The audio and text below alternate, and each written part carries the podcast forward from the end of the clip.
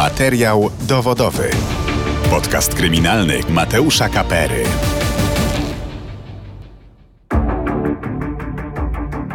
Czterdzieści ran kłutych zadał swojej ofierze Karol M. 18 listopada 2022 roku mężczyzna najpierw wszczął awanturę w jednej z kancelarii komorniczych w Łukowie, następnie uderzył i opluł kobietę, którą przypadkowo spotkał, aż w końcu brutalnie pozbawił życia Ewę Kochańską, komorniczkę sądową. Co kierowało zabójcą? Dlaczego jego ofiarą stała się urzędniczka państwowa? I czy tej tragedii dało się zapobiec? O tym już za chwilę w reportażu o tej wstrząsającej zbrodni. Przed mikrofonem Mateusz Kapera zapraszam na kolejny odcinek podcastu Kryminalnego Radia Z Materiał Dowodowy. Zanim przejdziemy do dzisiejszego materiału, przypomnę, że wszystkie odcinki podcastu dostępne są na kanale Radia Z w serwisie YouTube i na player radioz.pl, a także na platformach streamingowych Spotify, Apple Podcast i Google Podcast. Oceniajcie, komentujcie i zgłaszajcie nam sprawy, o których chcielibyście usłyszeć w kolejnych odcinkach. Każda Wasza reakcja, komentarz czy udostępnienie odcinka pomagają nam docierać do nowych słuchaczy. A teraz zapraszam do wysłuchania reportażu. Łuków. Niespełna 30-tysięczne miasto w województwie lubelskim. To największy ośrodek miejski między Lublinem a Siedlcami. Przy ulicy Koziej 3 znajduje się kancelaria komornicza, którą do niedawna prowadziła komorniczka Ewa Kochańska. 18 listopada 2022 roku w swoim gabinecie została zaatakowana nożem przez 42-letniego Karola M. Zmarła tego samego dnia w szpitalu. Jak doszło do tej tragedii? Ewa Kochańska miała 44 lata. Od ćwierć wieku była żoną Jarosława, byłego policjanta. Urodziła dwóch synów, Macieja i Aleksandra. Ewa realizowała się również zawodowo, prowadziła kancelarię komorniczą. Mimo, że praca pochłaniała sporą część życia, to kobieta musiała również znaleźć czas, aby opiekować się niepełnosprawnym synem, siedemnastoletnim Aleksandrem. Łuków, 18 listopada, godzina 8 rano. Ewa wraz z mężem jedzie do kancelarii. Jarosław ma towarzyszyć jej w czynnościach komorniczych zaplanowanych o 10.45 w pobliskiej miejscowości. Po ich wykonaniu wracają do Łukowa. W drodze powrotnej zahaczają o gabinet lekarski. Jarosław ma zaplanowaną wizytę. Po niej wsiadają do samochodu i jadą do kancelarii. Jarosław odwozi żonę do pracy, a sam udaje się do pobliskiej apteki po przepisane leki. Jest godzina 12.42, gdy dzwoni telefon Jarosława.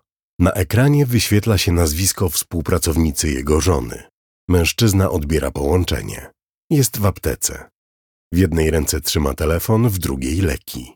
Pracownica kancelarii prosi Jarosława, aby ten szybko przyjechał do Ewy, bo stało się coś złego. Ten natychmiast upuszcza lekarstwa i wybiega z apteki. Przed kancelarią komorniczą stoi już radiowóz policyjny i karetka pogotowia. Jarosław wbiega po schodach na pierwsze piętro budynku. Na korytarzu leży jego żona. Jest cała we krwi. Ratownicy reanimują ją. Jarosław podchodzi do Ewy, chwyta ją za dłonie. Są zimne. Jej źrenice są rozszerzone. W gabinecie Ewy na podłodze siedzi Karol M. To on miał zaatakować nożem komorniczkę. Na rękach ma kajdanki. Pilnuje go policjant. Pogotowie zabiera kobietę do szpitala. Jej stan jest bardzo ciężki. Niedługo później Ewa umiera. Dwie godziny wcześniej o godzinie 11 do kancelarii komorniczej Ewy Kochańskiej przychodzi Karol M. Chce się widzieć z komorniczką. Nie chce jednak przedstawić się pracownikom kancelarii. W końcu słyszy, że Ewa Kochańska jest w terenie i wróci koło 13.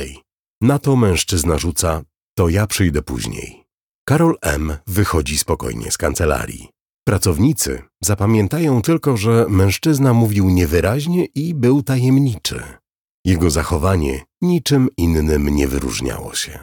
Kancelaria komornicza przy ulicy Wyszyńskiego, 350 metrów od miejsca zabójstwa Ewy Kochańskiej. Około godziny 12 do kancelarii prowadzonej przez Grzegorza Bartysia przychodzi mężczyzna. To Karol M. Pracownicy kancelarii dobrze go kojarzą, bo występuje w postępowaniach komorniczych jako dłużnik. Mężczyzna dziwnie się zachowuje. Nic nie mówi. Nagle rusza w kierunku sekretariatu. Za nim jest gabinet komornika Grzegorza Bartysia.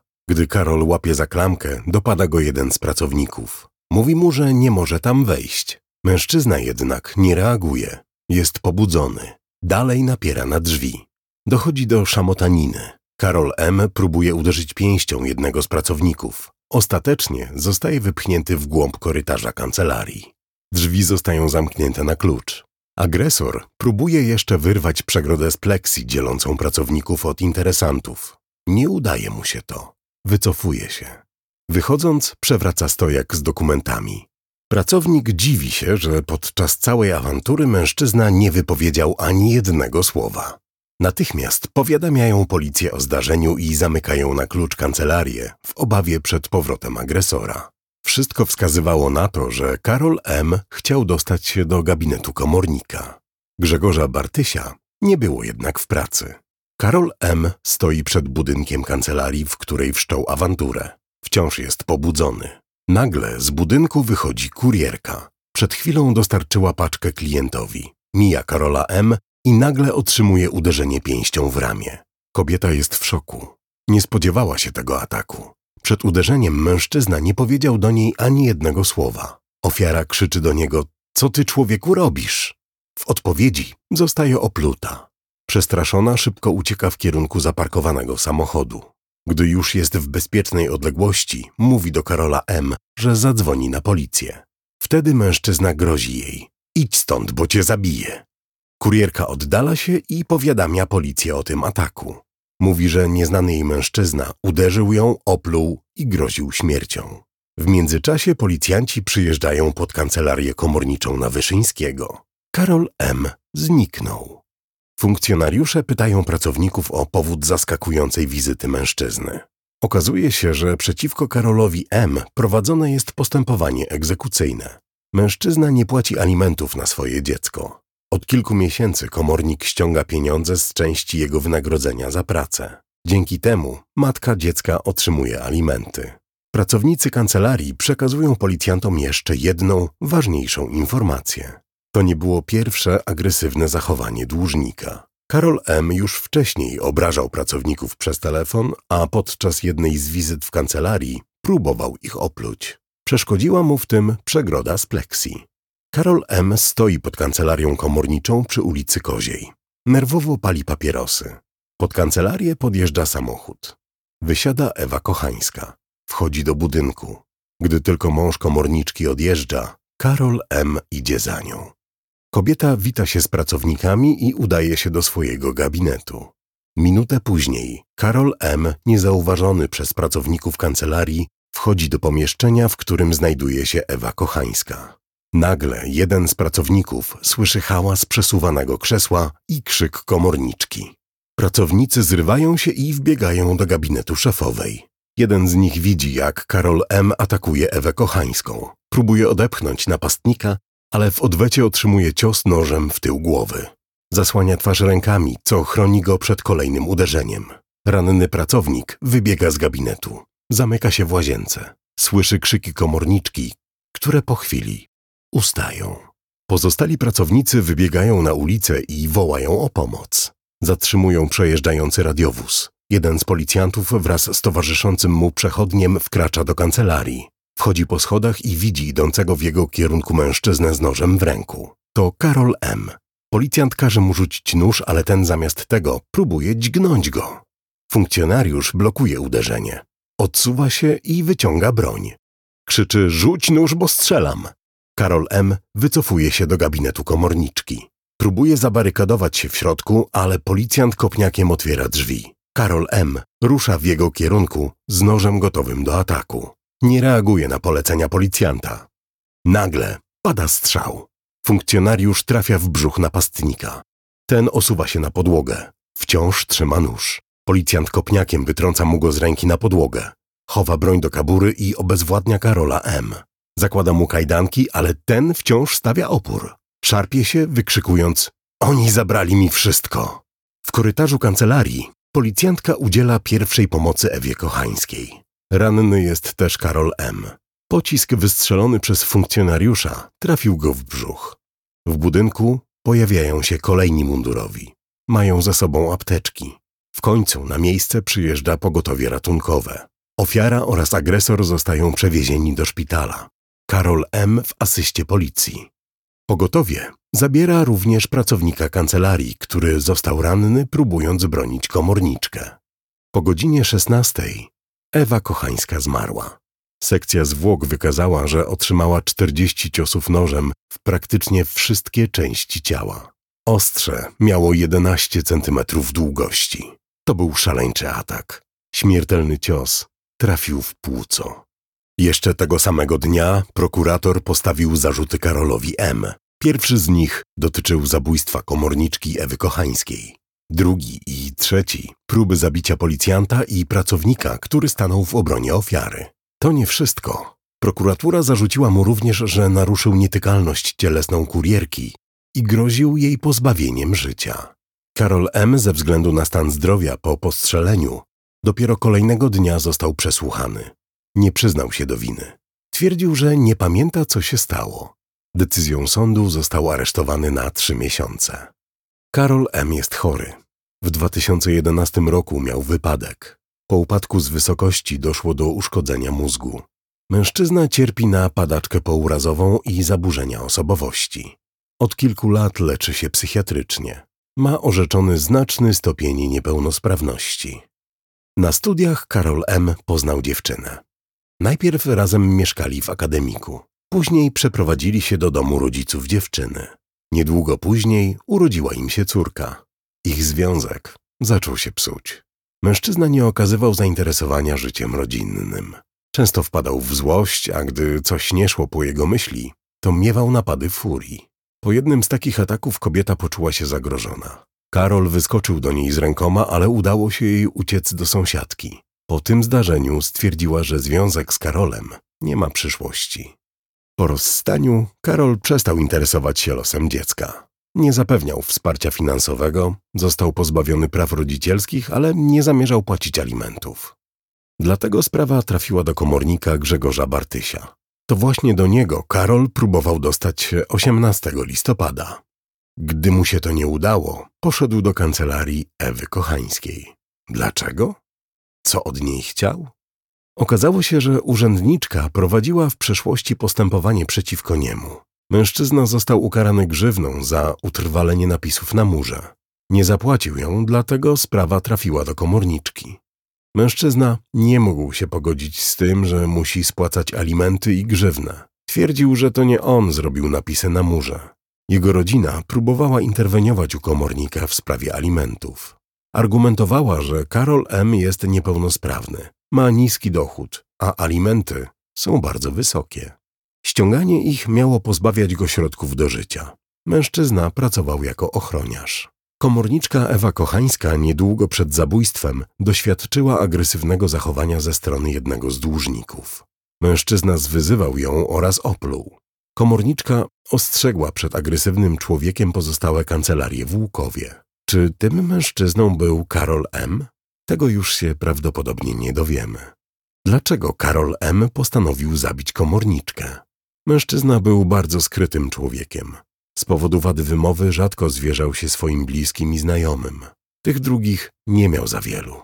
Nikt jednak nie spodziewał się, że Karol popełni tak straszliwą zbrodnię. Mężczyzna żalił się rodzinie, że ma problemy finansowe spowodowane alimentami. Miał dużo pretensji do sędziów, którzy nałożyli na niego alimenty oraz komorników, którzy je ściągali z pensji. Czy problemy finansowe były jedynym powodem, dla którego Karol zdecydował się zabić? Sam Karol M. powiedział prokuratorowi, że został wrobiony w zabójstwo komorniczki. Często musiał powtarzać swoje wyjaśnienia, bo przez wadę wymowy były one niezrozumiałe. Sam bał się, że prokurator nie zrozumie tego, co chce mu przekazać. Prosił go o pomoc, wyrozumiałość i łagodne traktowanie. Chciał, żeby wypuszczono go do domu i zatrudniono w zakładzie pracy chronionej. Podczas przesłuchania w końcu padło najważniejsze pytanie. Dlaczego to zrobił? Karol M. odpowiedział krótko. Ale ja nie chciałem tego zrobić. Ja chciałem tylko ugodę. Prokurator chciał drążyć dalej, ale obrońca Karola poprosił o chwilę przerwy. Po niej mężczyzna płakał i milczał. Nie chciał kontynuować przesłuchania. Na koniec rzucił. Bardzo przepraszam, dobrzy ludzie. Miłego życia. W sierpniu 2023 roku do Sądu Okręgowego w Siedlcach trafił akt oskarżenia przeciwko Karolowi M. Mężczyzna stanął przed sądem pod zarzutem zabójstwa komorniczki Ewy Kochańskiej.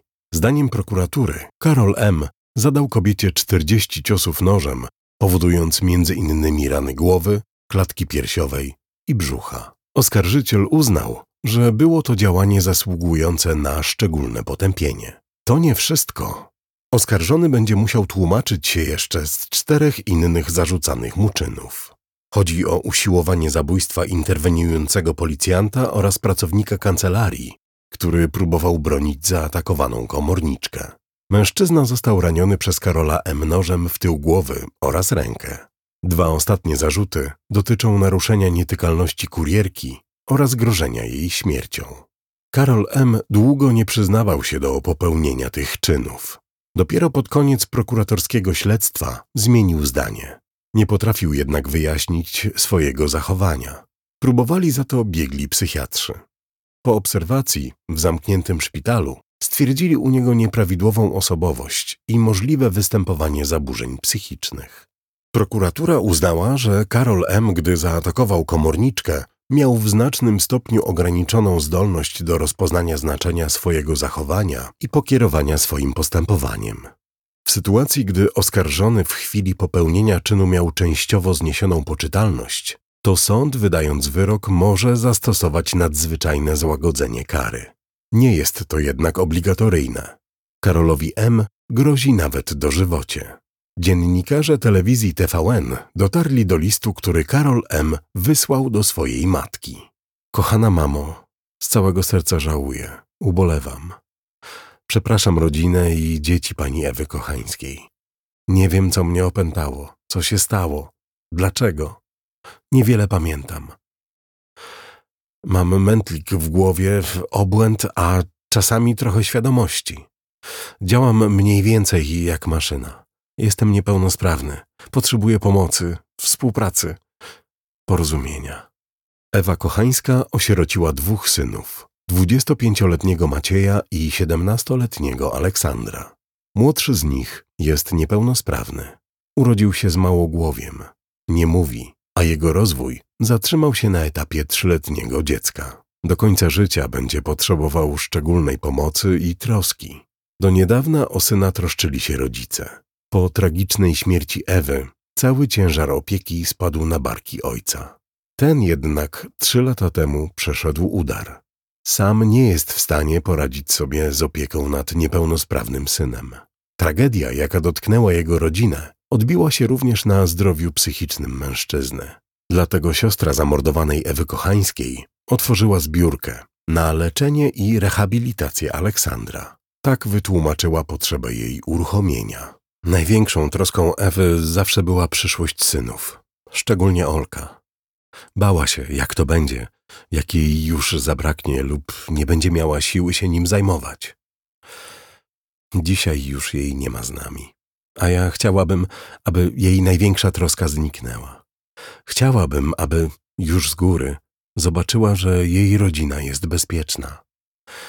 Chciałabym, żeby już niczym nie musiała się przejmować. Materiał dowodowy. Podcast kryminalny Mateusza Kapery.